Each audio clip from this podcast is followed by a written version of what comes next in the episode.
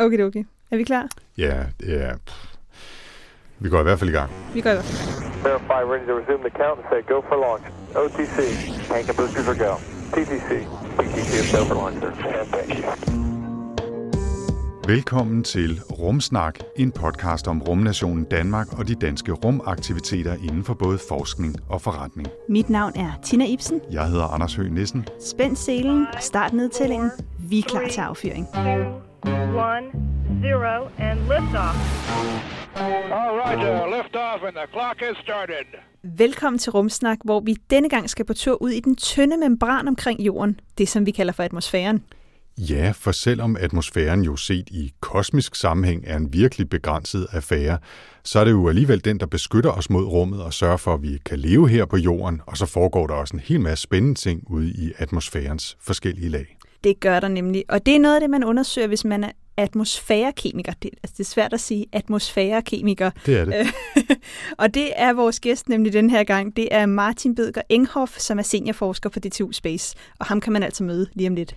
Men før vi kommer frem til Martin, der især skal fortælle om sin forskning i, hvordan kosmisk stråling og sollys påvirker vores atmosfære og i øvrigt har indflydelse på klimaet, så skal vi også have den sædvanlige omgang kort nyt fra Rumland. Ja, og der er rigtig meget den her gang faktisk. Jeg ved ikke, om du har kunne begrænse dig, Anders. En anelse. Øh, men øh, den her gang handler det lidt om rumturisme, opsendelsesdage for teleskoper, og så øh, de 100-200 andre nyheder, du har taget med. Tre. Jeg har kun taget tre med i den her Det, det må omgang. næsten være en øh, bundrekord. tak skal du have. Derudover skal vi også have lidt optag til emnet inden vores gæst, og bagefter er det igen blevet tid til at tage et spørgsmål fra en af jeres lyttere, og jeg lover, at det ikke er mig, der stiller spørgsmål igen, ligesom det var sidste gang. Nej, det er faktisk en helt ægte lytter, som har skrevet ind til Rumsnak, øh, og vi kan afsløre, at spørgsmålet handler om galaksesammenstød. Uh. Mm. Men øh, jeg hedder Tina Ibsen. Og jeg hedder Anders Høgh Nissen. Velkommen til. Three, two, one, zero, and liftoff. Men Anders, skal vi ikke begynde med et par korte nyheder? Det synes jeg, vi skal, og jeg lægger ud i afdelingen for privat rumfart. Det er jo virkelig et område, hvor der sker temmelig meget for tiden. Det må man sige. For eksempel var der her for nylig endnu en amerikansk tech-millionær, som blandede sig i kampen med Elon Musk og Jeff Bezos og de andre rumgale rigmænd. Det var ingen andre end Steve Wozniak, der var med til at stifte Apple tilbage i midten af 70'erne, som åbenbart stadig har godt med penge på kistebunden. Han har tidligere kastet sig over nogle mere eller mindre velovervejede projekter fra en stor tegneseriekonference til fjernbetjening og alt muligt andet. Og nu er turen så åbenbart kommet til at starte et rumfirma, som han i øvrigt har lavet sammen med en, der hedder Alex Fielding, som tidligere har arbejdet robotter, som han også har arbejdet sammen med tidligere. Men det her nye rumfirma, det hedder Privateer, og vi ved nærmest ingenting om, hvad det er, de vil lave, eller hvornår de begynder at gå i gang med at lave forretning, eller arbejde, eller noget som helst. Eller raketter, eller rumsonder, eller Vi hvad de skal? ingenting. Okay. Det eneste, der er meldt ud, det er en øh, et minut lang reklamevideo på YouTube, og jeg synes lige, vi skal høre, hvordan den lyder. Together, we'll go far. We'll look out for one another, solve problems together. This isn't a race, it isn't a competition or a game. We are not one person, one company, one nation. We are one planet. We are explorers. We are dreamers, risk takers, engineers, and stargazers. We are human, and it's up to us to work together to do what is right and what is good. So here's to taking care of what we have so the next generation can be better together.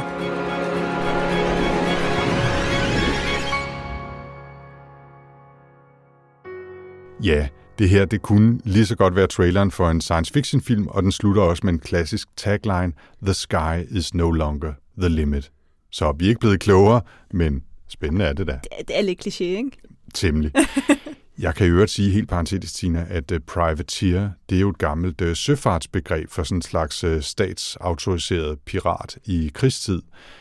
Det siger jo ikke nødvendigvis noget om, hvad Wasses uh, firma skal lave, men man bliver sådan en lille smule nysgerrig. Er det noget med, at de skal drøne rundt og stjæle andre menneskers satellitter eller rumfartøjer eller hvad? Det, jeg ved det ikke. Det er spændende.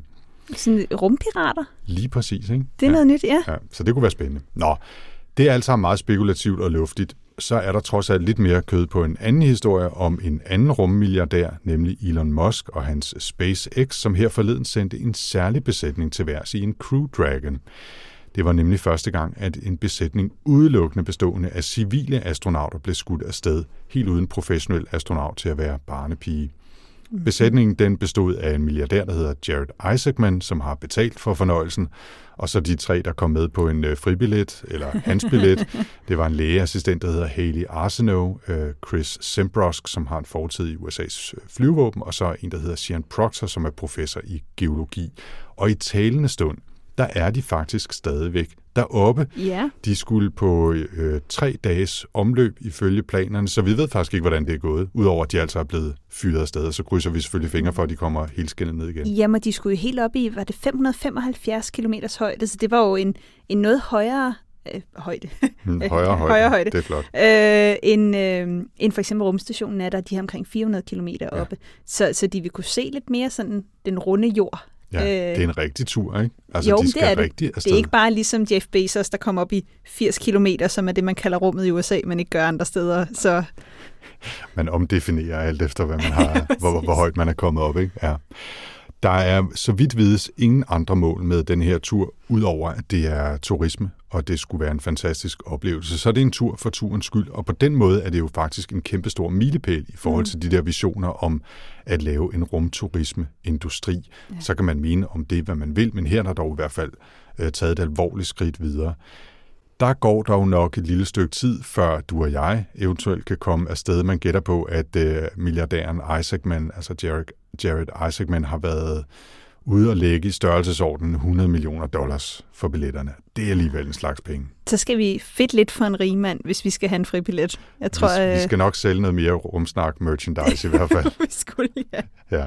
Nå, Tina, fortæl du også om en nyhed. Jamen, jeg har måske, måske faktisk årets, eller de sidste fem års største rumnyhed. Okay, du sælger Bare lige den, for hype du det her, den hårdt. Ja, det gør jeg. Ja. Fordi James Webb Space Telescope, som vi også har talt om tidligere, har endelig fået en opsendelsesdato. ja, det er en stor nyhed, men det er en endnu større nyhed, Når den bliver sendt når op. den bliver sendt op. Ja. Nå, men, Men fortæl. altså, efter planen, så øh, skal det store rumteleskop sendes op den 18. december. De vil altså nå det i år, så Mhm. øh, nu håber vi, øh, hvis alt går efter planen, så når de det kun lige præcis. Jeg håber vejret er godt den 18. december. Oh, ja. Øh, den skal sendes op med en Ariane-raket fra ESA's rumhavn i Kourou, øh, fransk Guyana. Og lige nu er teleskopet sådan pakket sammen og klar til at blive transporteret. Så lige nu er det i Kalifornien øh, og skal så sendes afsted. Øh, og det bliver jo vildt. Altså, vi har talt lidt om James Webb-teleskopet. Jeg har nævnt det flere gange, fordi det kommer simpelthen bare til at revolutionere astrofysikken, som vi kender det på samme måde, som Hubble-teleskopet gjorde det, efter det havde fået briller på der i, i starten af 90'erne. Og det er jo i hvert fald 15 år forsinket lige nu, så altså, vi går bare og venter. Og efter en sommer, hvor Hubble-teleskopet lige pludselig sat ud, ikke? Mm-hmm. Så, øh, så er det altså bare nu. Det må ikke gå galt. Det skal gerne være nu. Og øh, altså, jeg kommer til at drikke nogle seriøse bobler den 18. december. Prøv lige at forestille dig, Tina, at være den, der skal stå for transporten af James Webb og få den op på Ariane-raketten Ja. og gøre den klar til affyring. Tal lige om at have pres i arbejdet, altså. Jamen, og mere end man plejer, fordi at Hold de her rumteleskoper er jo altid, eller rumsonder er jo altid dyre, øh, og man sender jo ofte noget op med Ariane. Alle ESA's ting bliver jo sendt op derfra. Men, men James Webb-teleskopet, altså det er bare... Jeg ved, jeg, jeg, Det er, jeg det vil er, simpelthen altså, ikke have nerver det, til det er det største øh, rumprojekt i, i nyere tid. Altså, Ja. det er jo det dyreste, det største, altså det, det vildeste, man kan forestille sig, og hvis det bliver i år. Altså, nu har jeg stået de sidste i hvert fald fem år af min karriere sagt, forhåbentlig i år bliver det sendt op, men der har aldrig været en dato på, og det er faktisk første gang, der reelt bliver sat en dato-dato på. Aha. Øh, En dato-dato. dato-dato, ikke bare En inden dag. for de næste Mm, okay. ni måneder-agtigt noget, ikke? Øh, Ja, det er spændende. så det bliver simpelthen så spændende. Måske kan du fornemme, at øh, jeg synes, det er en lidt vild nyhed. Ja, jeg er spændt på at se, hvordan du bliver i december. Så. det bliver ikke den 24. vi tæller ned til. Nej. Det bliver faktisk... Det kunne være, vi skulle lave en rumsnak julekalender, hvor vi tæller ned til den 18. Hvor vi starter Ja. seks dage før. Ja, det gør vi. Tina, jeg bliver altså lige nødt til at klemme endnu en øh, kort nyhed med, fordi ellers, men altså, jeg har ikke nogen bonus med den her gang, så Men er det her ikke bonusen? lad os bare sige det. Det er bare fordi, at NASA's øh, Mars rover Perseverance har taget sine to første boreprøver oppe på Mars. Altså boret to cirka 10 cm lange cylinder, sådan på tykkelse som en blyant. Hvis der er nogen, der bruger blyanter derude mere, men altså i, i cirka en halv centimeter tykke ikke? og 10 cm mm. lange. Og de er blevet boret øh, ud af en sten, som NASA har døbt Rosette. Jeg ved ikke helt, hvor det navn kommer fra, men de to Der boreprøver, må de en har, datter eller en kone et eller andet sted. de to boreprøver har også fået hver deres navn, mystisk nok. De hedder Montdenier og Montagnac, efter et fransk bjerg og en fransk region henholdsvis. Okay. Ja, nå, men Perseverance havde faktisk tidligere forsøgt at bore en anden sten derop, som bare smuldrede, og derfor kunne det ikke lade sig gøre at udbore den her øh, prøvecylinder, men det lykkedes altså til gengæld med Rochette. De er så blevet forsejlet og ligger nu inde i maven på Perseverance. Maven er den tekniske betegnelse. Mm. og planen er jo så, at man vil forsøge at bringe de her prøver tilbage til jorden. Så på et tidspunkt, hvis alt går som det skal efter planerne, så øh, Det, efter, eller hvis de får pengene. Ikke? og ja, det er en del af planerne. Ja. Så vil Perseverance altså efterlade dem på overfladen, og skal der komme et andet rumfartøj og samle dem op og flyve tilbage igen og aflevere dem, så de kan blive øh, virkelig grundanalyseret i et laboratorium her på jorden. Ikke? Så, men altså, lad os se, hvordan det går. Ja, men altså, det er, jo, det er jo enormt spændende, og det er ret fedt også det her med, at man, man direkte har så stor en del af Perseverance, øh, som tænker så langt fremad, at vi skal simpelthen også have flere missioner for, at bare den her mission kan lykkes. Ja. Så, Det er så spændende. det, øh, det bliver super spændende. Men selvfølgelig også mange ting, der så skal gå godt det næste stykke Der er tid, meget, der hvis man skal i lykkes, ikke? 2031 skal Ja. Ja. lave et eller andet. Ikke? Jamen, det er derfor, man siger med sådan nogle rumforskere, at den rummission, man starter sin karriere med, det er også den, man slutter med. Og for øh, James Webb, så er det sådan, måske de sidste tre karrierer. de sidste tre generationer af Ja. forskere. Ja. Nå, Tina, vi skal også have en lille nyhed fra vores egen verden. Ja, fordi som vi, øh, vi talte om i første episode af, af den her sæson, er jo, at vi har arbejdet på en webshop. Mm. Og nu har vi endelig fået vores kopper og vores notesbog hjem. Og jeg har faktisk lige, jeg har lige vist dem. Jeg havde ja. Ja. nogen med til dig, Det Anders. her det er lyden af en kop i en kasse. Ja. og, og det her, det er lyden af en notesbog, som... Det kan man ikke høre. Jo, det kan man godt. Som jeg bladrer ja, i. Som du der. bladrer i, ja. så, øh, så de ligger faktisk klar inde i webshoppen, så hvis man vil erhverve sig en, øh, en rumsnak kop eller en rumsnak notesbog, så øh, kan man det? finde det inde på, øh, på rumsnak.dk. Ja. Og I må altid sige til, hvis der er et eller andet, I tænker, det kunne være det fedeste i verden at have et rumsnak-logo på, øh, så skriv til os. Al overskuddet fra vores webshop går til at lave endnu flere sjove rumsnak-ting.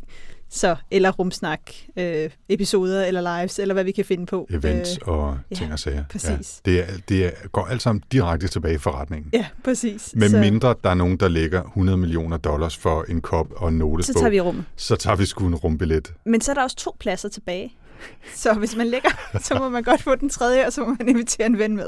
det er okay, det er, en, det er en aftale. Men altså kopper, notesbøger, gå ind på rumsnak.dk og øh, tjek det ud. Ja. Og øh, spyt lidt i kassen, hvis du øh, synes, det ser godt ud. Ja. Det hjælper os alt sammen. Det gør det i hvert fald. Okay, it's a nice ride up to now. Og lad os så komme i gang med dagens emne, nemlig vores atmosfære, Tina. Ja, og den her gang skal vi jo faktisk gøre det fuldstændig modsatte af hvad så nogle astronomer, astrofysikere, som jeg ynder at gøre. Mm-hmm. Fordi vi kan jo godt lide, ligesom med James Webb-teleskopet og andre ting, eller teleskoper her på jorden, det er at kigge ud af. Så det er sådan, ja, det, vi skal ud og finde det ukendte, alt det, der ligger derude. Men der er jo altså også nogen, der synes, det er spændende at rejse ud, og så lige vende blikket tilbage på Det- vores egen planet. Det er simpelthen øh, kosmisk selfies. Det er det virkelig. Altså, så det er sådan, vi rejser ud for lige at kigge på os selv, ikke?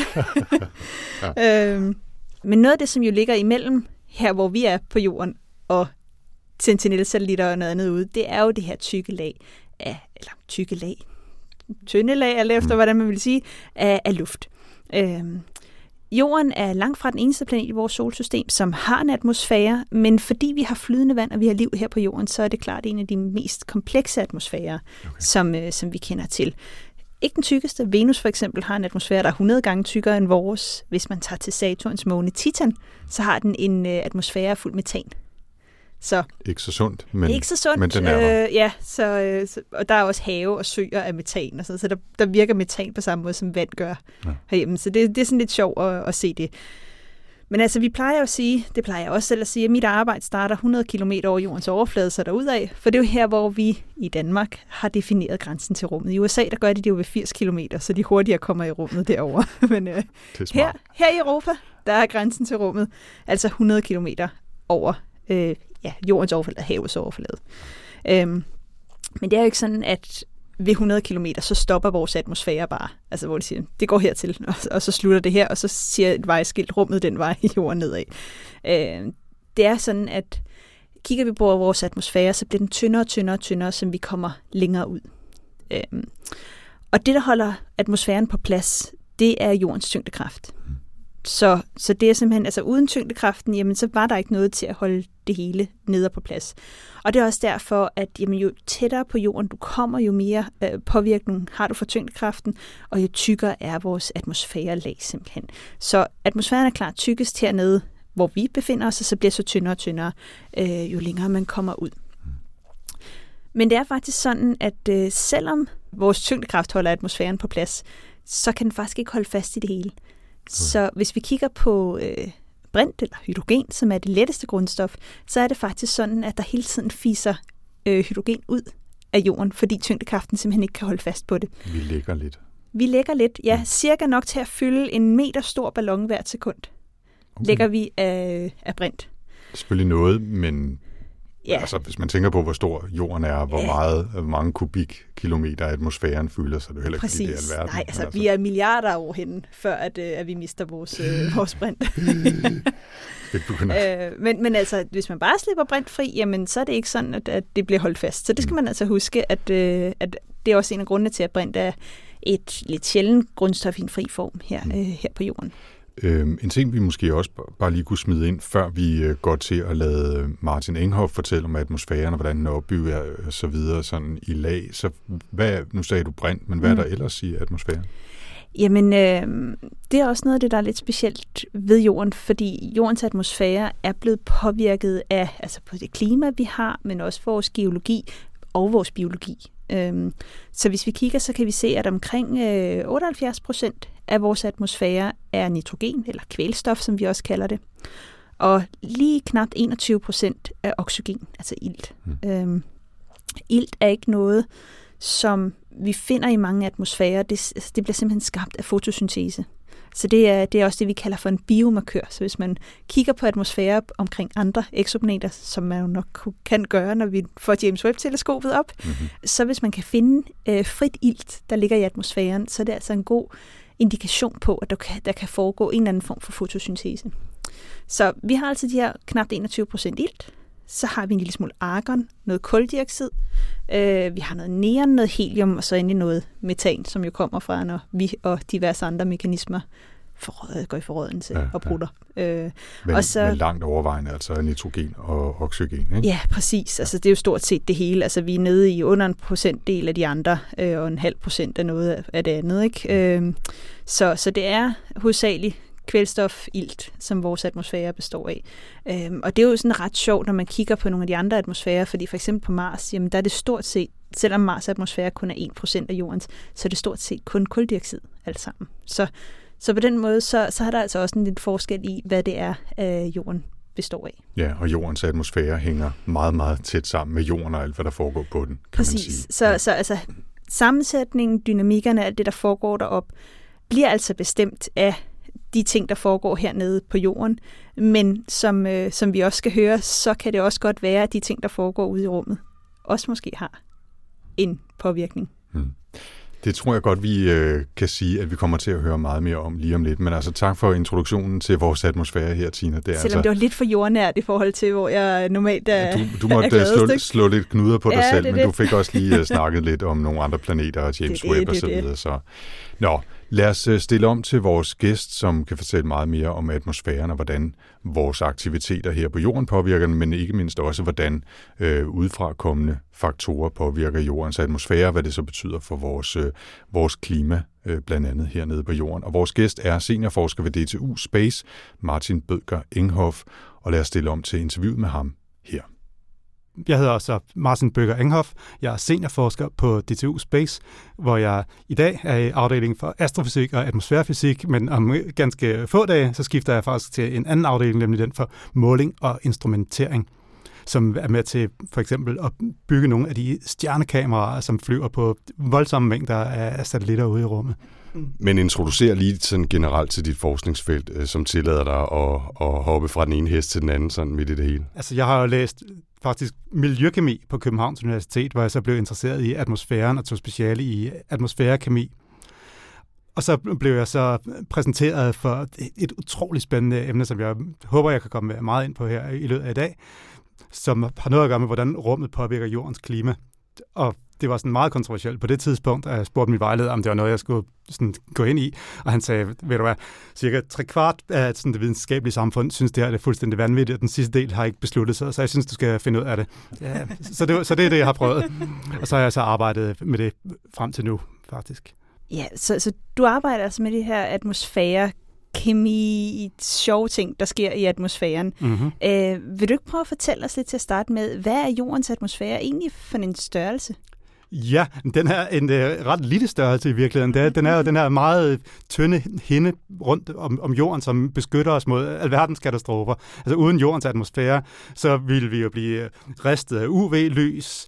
Vandet fra haven ville øh, fordampe, så der ville ikke være nogen have. Temperaturen ville falde til næsten minus 20 grader, og vi ville selvfølgelig ikke uh, kunne trække vejret. Altså det ville sådan generelt være rigtig ubehageligt uden atmosfæren. og og, og den, den er jo en lille bitte størrelse. Det er jo ikke løgn, når jeg siger, at den er tynd. Fordi atmosfæren, cirka 50 procent af den er inden for de første 5,6 kilometer. 100 kilometer ude, der har vi 99,9999 chat procent af atmosfæren. Hvis du kører en time i bil lige opad, så er du helt ude i rummet. Altså, det er, det er en tynd hende, der beskytter os mod alt det her. Så vi skal passe godt på den. Ja. du sagde 50 procent, 5 kilometer, 5,6 Ja, 5,5 kilometer. Ja. ja. Så det er jo, altså man kan simpelthen tage på et bjerg, som ikke engang skal være blandt de allerhøjeste bjerge, og så komme over 50 procent af atmosfæren. Fuldstændig, ja. Det er alligevel lidt fascinerende.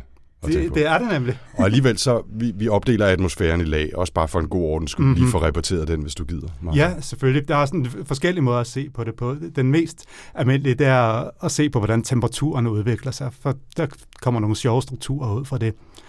Nede ved jordens overflade, der har vi en temperatur, som er cirka 15 grader i, i gennemsnit, og som vi så begiver os op gennem atmosfæren, så, så falder temperaturen øh, typisk de første, lidt afhængig af hvor vi er på jorden, 10, 12, måske 15 kilometer.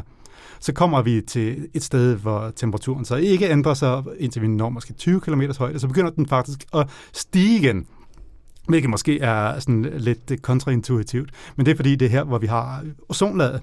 Ozon, det absorberer jo UV-stråling fra solen og beskytter også imod det, men det fører også til en opvarmning, som så fortsætter et godt stykke ud, hvor efter temperaturen så begynder øh, at falde øh, igen, og så på et tidspunkt så begynder den så øh, at stige igen, når kvælstof og, og ilt, de absorberer de allermest energirige stråler fra, fra solen. Så på den måde, så får vi altså det nederste lag her, hvor temperaturen falder, som vi kalder troposfæren, og så stiger temperaturen igen i stratosfæren, og så falder den igen i mesosfæren, så stiger den igen i termosfæren, og så til sidst, så fortsætter den faktisk med at stige og stige og stige, indtil vi kommer så langt ud, at begrebet temperatur ikke rigtig giver nogen mening, fordi de enkelte molekyler, de ligesom bare eksisterer hver for sig, men stadig bliver holdt fanget af jordens tyngdekraft.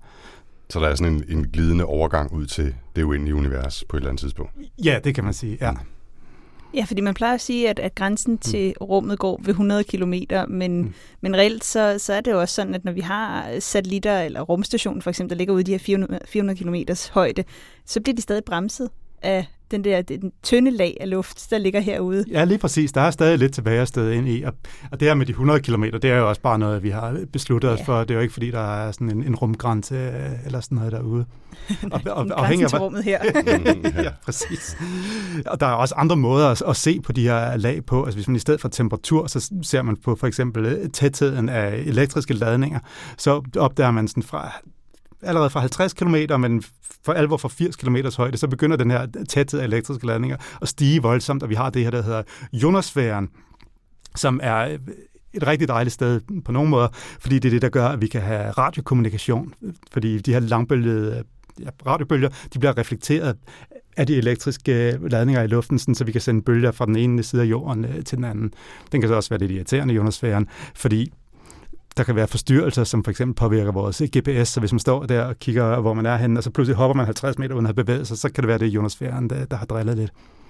Og så endnu længere ud selvfølgelig, der har vi så magnetosfæren, som, måske, som ikke er en del af atmosfæren rigtigt, men som stadig er en, en del af sådan jordens øh, aftryk på rummet i hvert fald, som er et, et kæmpe magnetfelt, som beskytter os mod, mod solvinden, som er sådan en strøm af partikler, som solen blæser ud, og som hvis vi ikke havde det her magnetfelt, så ville vores atmosfære blæse væk. Det er det, der skete for vores uh, gode nabo Mars, som næsten ikke har nogen atmosfære tilbage. Martin, vi skal selvfølgelig også snakke lidt mere øh, konkret om din forskning og, mm-hmm. og, og dit specifikke arbejde, men fortæl lidt om, hvad det er for nogle elementer, der har en indflydelse på altså på atmosfæren, og, og, og hvordan molekyler øh, opfører sig, små partikler opfører sig i vores atmosfære, øh, drivhusgasser, kosmisk stråling, alt muligt andet. Bare lige så vi har spillerne øh, identificeret til, når vi skal se på dit arbejde. Helt sikkert. Altså, hvis vi kan se på, hvad der påvirker atmosfæren, så kan man måske dele det op i ting, der kommer udefra, og ting, der kommer indenfra. Og sådan kilder indenfra, eller fra selve jorden, der kan vi så igen dele det op i naturlige kilder og, og menneskeskabte kilder. En naturlig påvirkning, oplagt at tale om for atmosfæren, er for eksempel øh, vulkaner, som kan blæse en masse gas og støv ud i atmosfæren. Nogen kan måske huske den her islandske vulkan, som jeg nu vil forsøge at udtale Eyjafjallajökull øh, i 2010. ja, tak, tak, tak. Det skal jeg ikke prøve derhjemme. Men som jeg fik flytrafikken i Europa til at lægge død i, i en eller to uger, fordi den her askesky kom ind i, i flyenes motorer. Og det, det var selvfølgelig en ret stor irriterende effekt, men i virkeligheden var det en rimelig svag vulkan. Fordi, og nu kommer vi allerede til noget af det, vi har snakket om, det askeskyen kom nemlig kun op i troposfæren, den nederste del af atmosfæren, hvor der er virkelig god opblanding, og hvor der er en masse regn og så videre, så askeskyen faldt hurtigt ned og, og blev regnet ud også.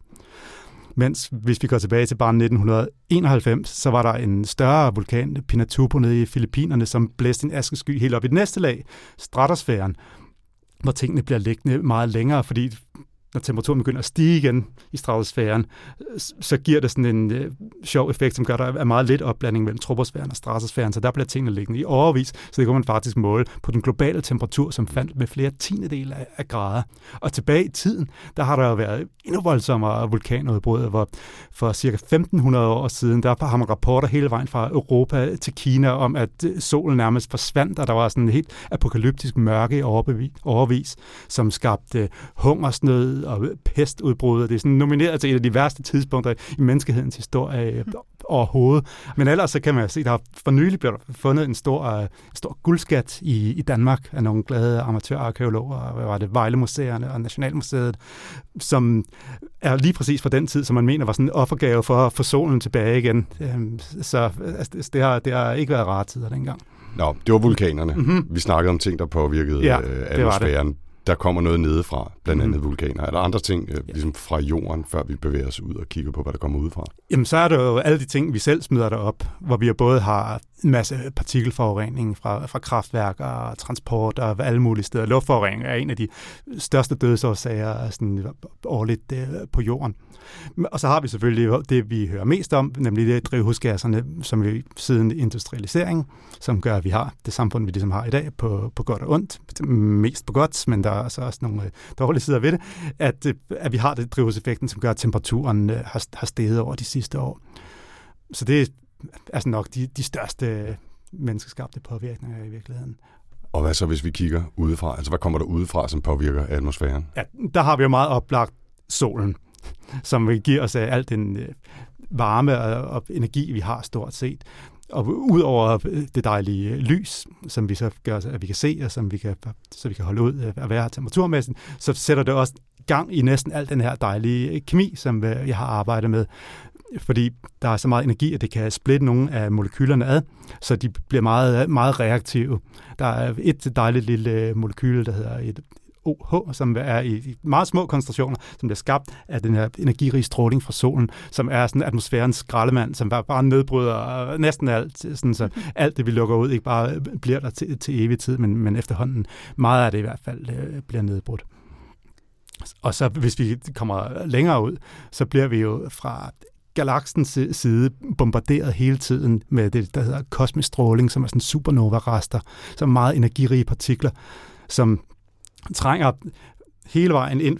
Vi har faktisk også et øh, magnetfelt uden om hele solsystemet, men de mest energirige af de her kosmiske partikler på supernovaen trænger igennem det. De kommer til jordens magnetfelt, som de er næsten helt ligeglade med, så trænger de ned gennem atmosfæren, hvor de laver elektriske ladninger i luften, så når vi sidder herinde i studiet, og folk er, hvor de nu er, så er der sådan et par tusind ladninger per kubikcentimeter i, i luften omkring os. Vi bliver hele tiden gennemstrømmet af de her kosmiske partikler her, som også er skyld i, at vi har for eksempel Koster 14, som man kender fra træringsdatering øh, øh, øh osv. Så, så der er mange sjove ting udefra og indenfra. Jeg synes nok, jeg mærkede et eller andet lige før, ja, men det, jeg ved ikke, om det, var, om det bare var mig. En lille kosmisk kilden. Ja, lige præcis en kosmisk kilden. Ja, det, det skal være vores nye podcast. Den, den kosmiske kilden. Ja. Det er en lidt anden podcast. Ja, det tror jeg også. Nogle snak, det tror jeg også, ja. men, men Martin, alle de her ting, hvad er det så, din forskning øh, beskæftiger sig med? Hvad er det, du laver, når det kommer til atmosfæren? Ja, nu har jeg jo ligesom prøvet at få det introduceret sådan lidt, lidt lusket undervejs. Det har noget at gøre med de her kosmiske stråler. Det var det, man havde opdaget, da jeg startede min uh, Ph.D., at der var en sammenhæng observationelt mellem mængden af de her kosmiske stråler, som altså kommer mest fra supernovaer, og så skydækket på jorden hvilket var sådan, for det første ret overraskende, og for det andet potentielt ret vigtigt, for skyer har en stor klimaeffekt. Det har man jo opdaget, hvis man går en tur om sommeren, det er dejligt varmt, der kommer en sky, øh, så bliver det koldt, fordi skyen er hvid og sender lyset tilbage til rummet igen. Så hvis der er noget, der kan ændre på, hvor mange skyer der er, for eksempel noget, der kommer udefra, som vi ikke har nogen kontrol over, så kunne det være ret vigtigt øh, for klimaet. Og ud fra de sådan, sammenhænge, øh, man kunne se, så var det en, en størrelsesorden, som gjorde, at det var værd at efterforske. Og da jeg startede, så havde man faktisk kun sådan nogle korrelationer og observationer mellem parametre, der hang sammen, altså skydækket og de kosmiske stråler. Man kunne se noget med mængden af kosmiske stråler, og så drivis fra bunden af, havet sådan, tusindvis af år tilbage i tiden. Der var sammenhæng, og, og endnu længere tilbage mellem de kosmiske stråler og, og, og temperaturen på 100 millioner år. Så der, der var sådan en masse af sådan nogle indicier, kan man sige, ting, der pegede på en sammenhæng, men der var ikke noget fysik, der kunne forklare det. Så det, så det blev ligesom øh, min opgave at, at være med til at finde ud af det, og det har jeg så arbejdet med i godt øh, 15 år. Kan du fortælle om noget mere, hvad kan man sige, konkret, du har fundet ud af så i, i dit arbejde? Altså hvad, hvad der er kommet ud af al den 15 års indsats Ja, der, der er heldigvis øh, kommet noget ud af det, og det har jeg meget gerne lidt fortælle om det. For at forstå det, så skal man vide én ting om skyer, og det er for at lave en skydråbe, som vi jo alle sammen, især os, der bor i Danmark, kun kender alt for godt og ved, at den er lavet af vand, så skal man faktisk bruge en ting mere. Man skal bruge en lille kerne. Inde i midten af skydråber, der er der sådan en lille kerne, en skykondensationskerne, som vandet sætter sig på. Det kan være for eksempel sand fra Sahara, der bliver virvlet op af en storm. Det kan være salt fra en bølge, der bliver brudt ud over havet. Sådan mekanisk dannede kerner. Cirka halvdelen af alle skydråbekerner er den slags.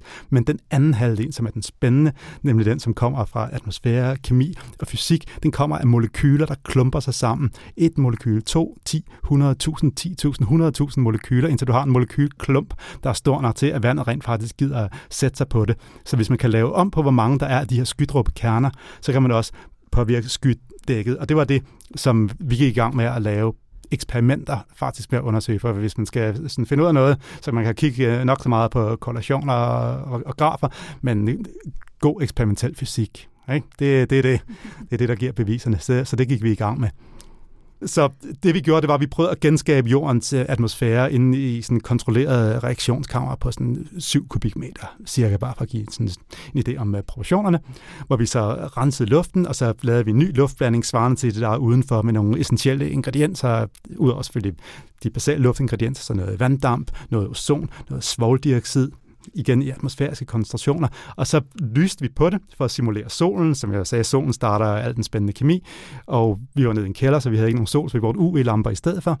Og så, så, så startede den her kemi her, og så omdanner sig den her dejlige blanding af ozon og vanddamp og ilt og svovldioxid, SO2, til svovlsyre, og det lyder jo meget underligt, hvorfor laver den gale mand svovlsyre, men, øh, men der er faktisk svovlsyre i luften, og svovlsyre er et utroligt klistret molekyle, som kan sætte sig sammen meget nemt sammen med vand også, og sammen med, med andre molekyler, har man senere fundet ud af, og så lave de her molekyleklumper, som så med tiden, hvis de får lov til at vokse i fred, kan blive til de her kerner fra skydråber, skykondensationskernerne.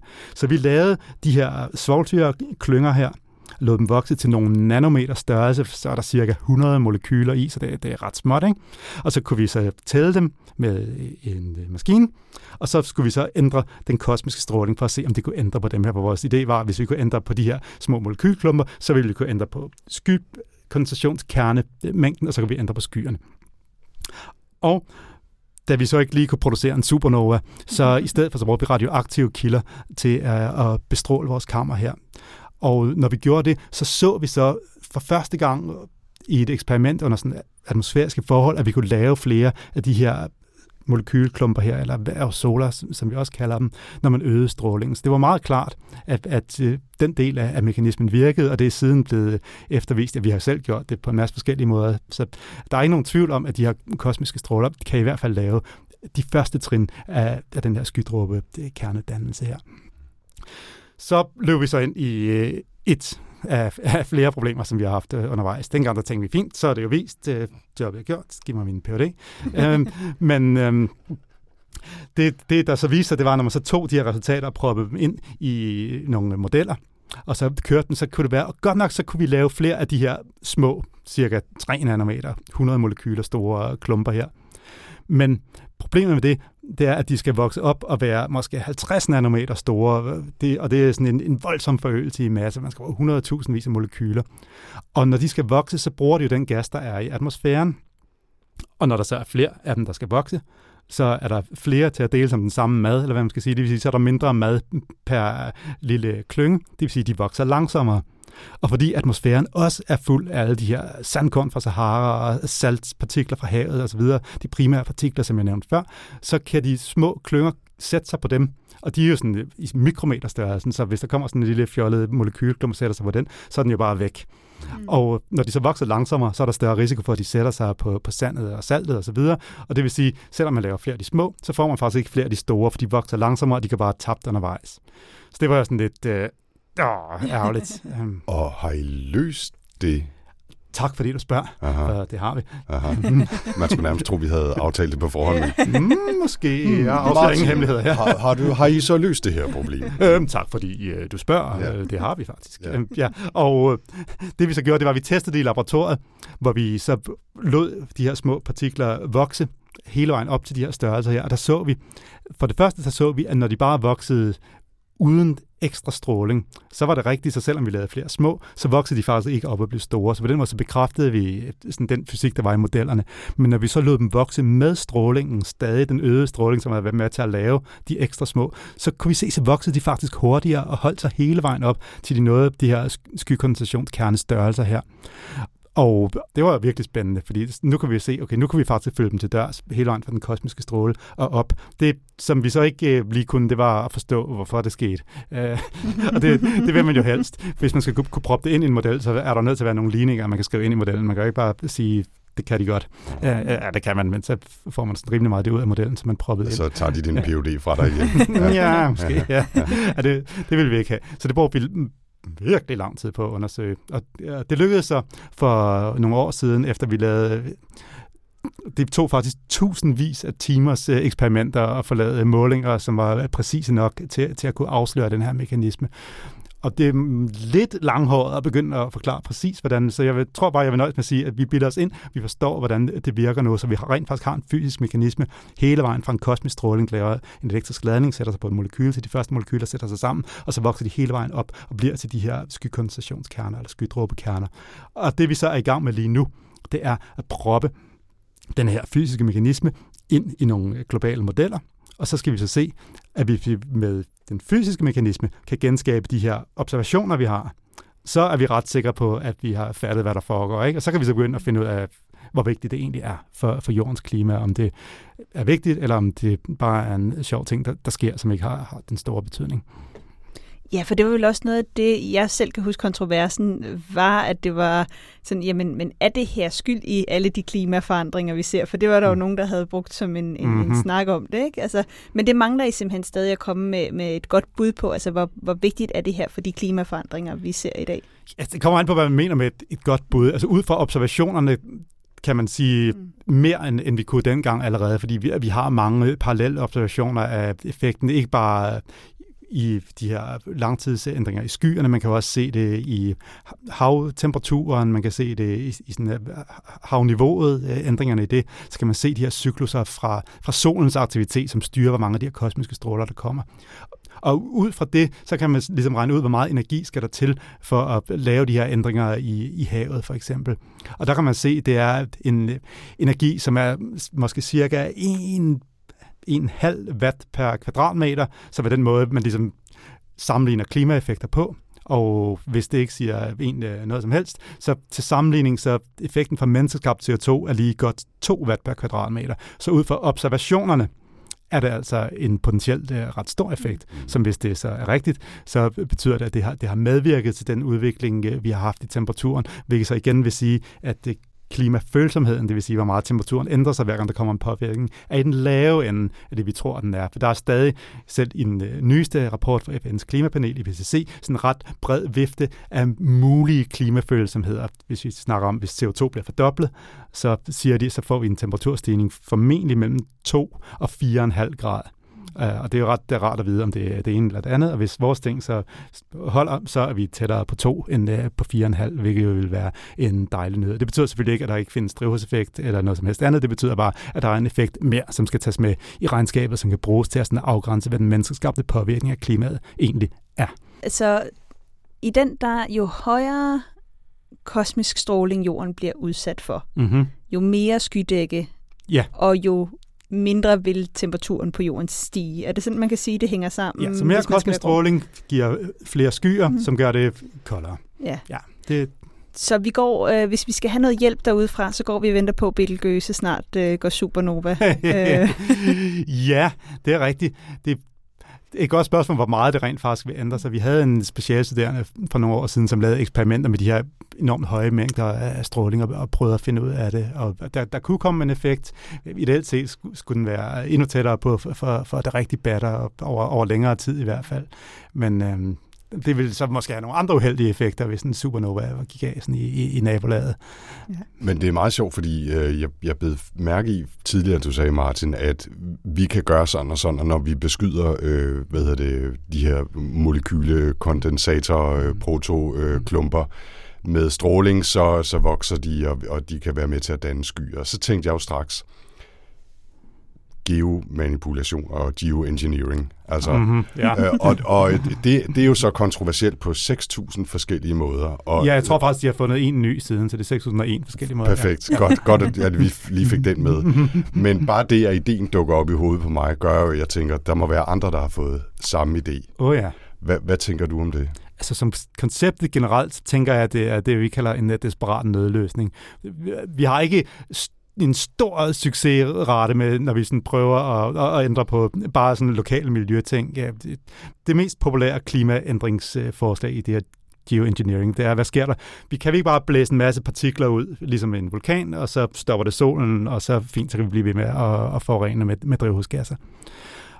Altså, det kunne man godt, men det, det har nogle problemer. Altså for eksempel, at de ikke bliver der så længe, de der partikler. Så det er et projekt, der skal blive ved med at være fundet. Og så kommer der pludselig en finanskrise eller en coronakrise, og så er der ikke råd til det, og så lukker projektet, og så, altså, så forsvinder partiklerne. Men øh, alt det andet, CO2'en bliver der stadig, og, og så stikker temperaturen helt af. Og det er jo heller ikke sådan, at det bare, vi kan bare sige, at vi, det er en knap, vi skruer på, så bliver der en grad koldere over hele jorden. Det vil være, der vil være regionale effekter, der vil nogle steder, der får tørke, der er nogle, der får mere regn osv. Det er ikke noget, øh, man skal gøre, uden at tænke sig meget godt om. Mm. og heller ikke øh, så at for eksempel bruge jeres metode til at gøre det. Jeg tænker noget med at sende nogle, øh, hvad var det, du sagde, nogle radioaktive øh, kanoner ud i, i omløb, og så begynde at beskyde jordens atmosfære. Det er vel sådan noget, der skal til, hvis Ja, man skal ja, bruge din metode. galt med det? Ja, ja, præcis. Ikke? Altså, det, er jo, det, er jo, det er jo et projekt, som bare, altså, det er bare gået i gang. Ikke? Ja. Mhm. Så Martin, der er en eller anden form for sammenhæng mellem skydække og kosmisk stråling. Hvad er det nyeste, du har arbejdet med så? Jamen det nyeste, det er, og det er virkelig nyt, for vi har lige fået det godkendt til, til at blive publiceret for et par dage siden. Nej, tillykke med det. Jamen uh, tak, det er, altid, det er altid stort, når det sker. Mm. Og det er, at nu har vi for første gang observeret den her effekt direkte i jordens strålingsbudget. Det vil altså sige, hvor meget energi kommer der ind, og hvor meget går der ud, hvilket er det, der sådan bestemmer, hvor meget temperaturen ændrer sig. Og der er en uh, satellit, som har et instrument, der hedder CERS, som måler den kortbølgede og den langbølgede stråling, der, der går ind og der går ud. Og der kan vi simpelthen se effekten direkte. Den måde, vi kan se det på, det er, når der er en stor eksplosion på solens overflade, som hedder sådan en coronal mass ejection, så kan den ramme jorden og blæse de kosmiske stråler væk. Og når det så sker, så får vi sådan et dyk i de kosmiske stråler, som varer 1-2 uger. Og der har vi så tidligere set et tilsvarende dyk i aerosolerne, altså de her molekylklumper, skykondensationskernerne, og i skyerne, tre forskellige skydatasæt har vi set det i, og nu har vi set det direkte i strålingsbudgettet med det her instrument her. Det vil altså sige, at vi kan sige med meget stor statistisk sikkerhed, at den her effekt virker hele vejen observationelt fra dyk i kosmisk stråling, dyk i aerosolerne, dyk i skyerne, dyk i strålingsbudgettet. Det vil sige hele vejen op. Og når vi så kobler det sammen med den her fysiske mekanisme, så kan vi male sådan et meget, meget konsistent billede af, hvad der foregår. Vi kan se ovenikøbet, i købet, hvad skytyper det er i.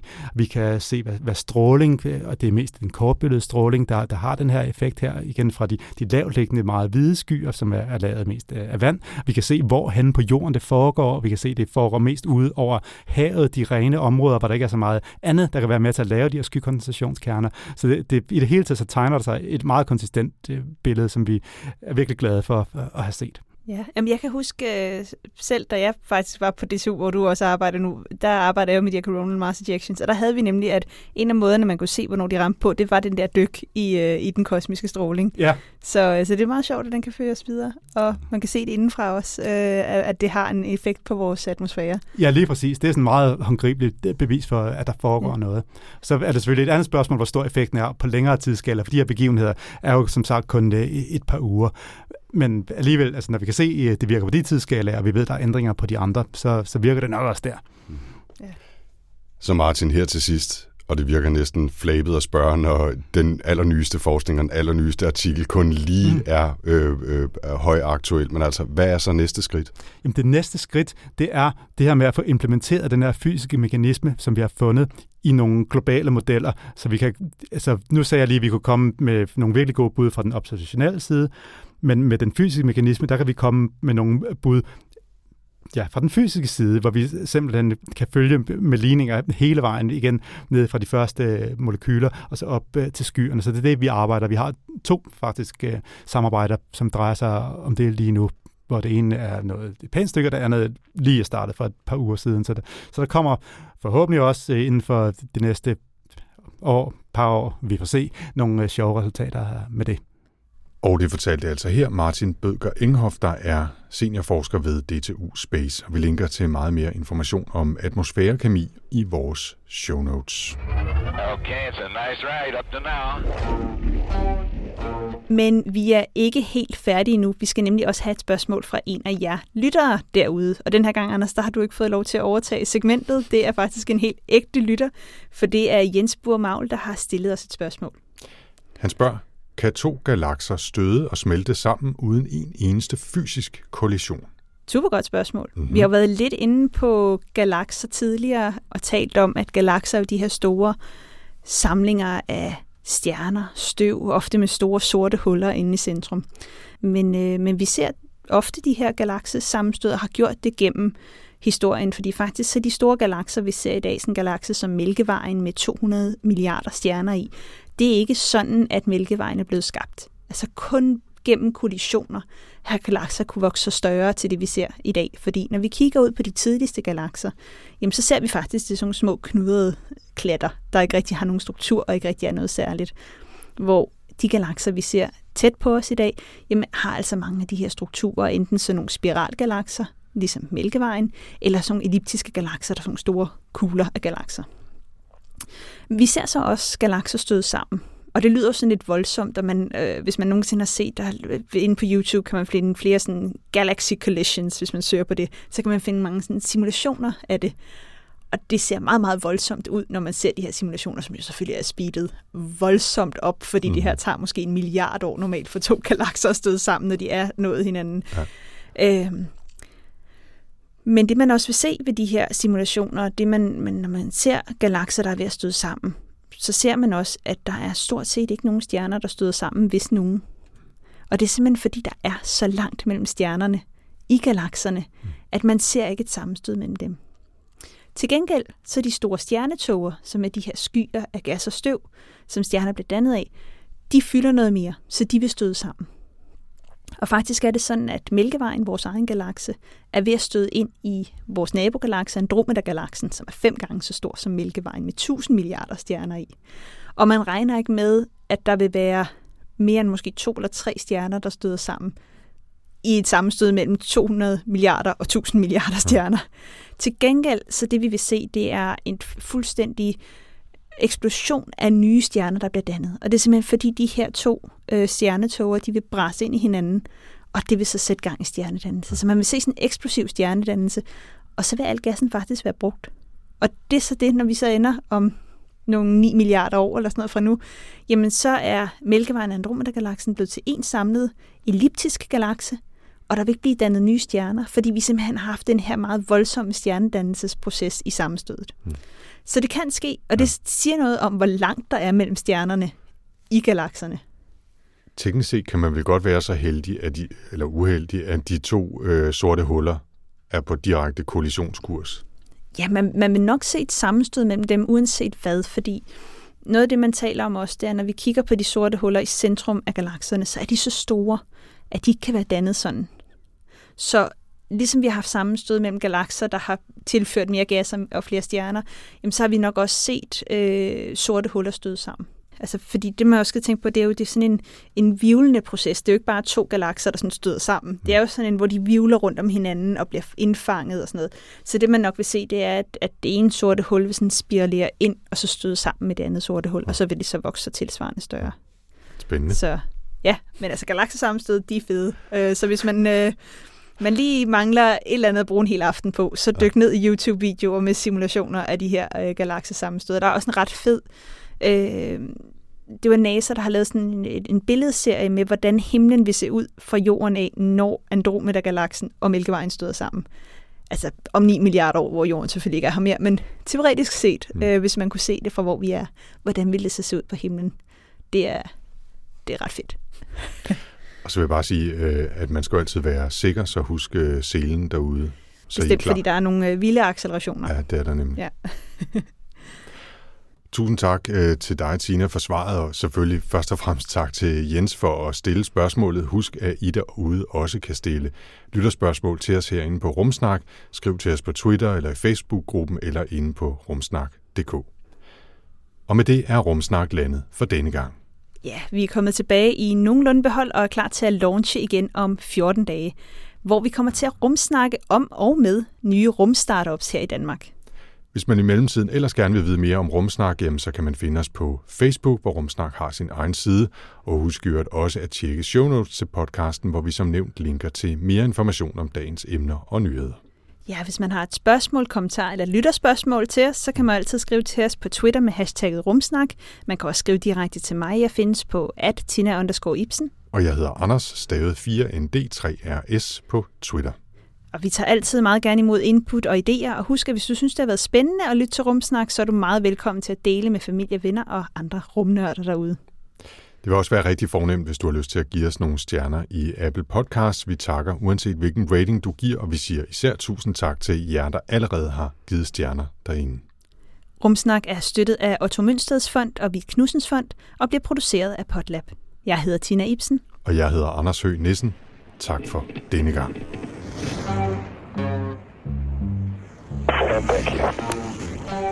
Thank you. Så hører vi den. Det er bare sådan noget, uh, humans, uh, space, bla Okay. bla bla. Du behøver ikke vide noget Du om skal det. bare sætte det der på. Human space, bla bla bla. Næste gang, uh, Steve Wozniak, så Ja. ringer du bare. Mm. Så skal jeg nok lave lydsiden til den.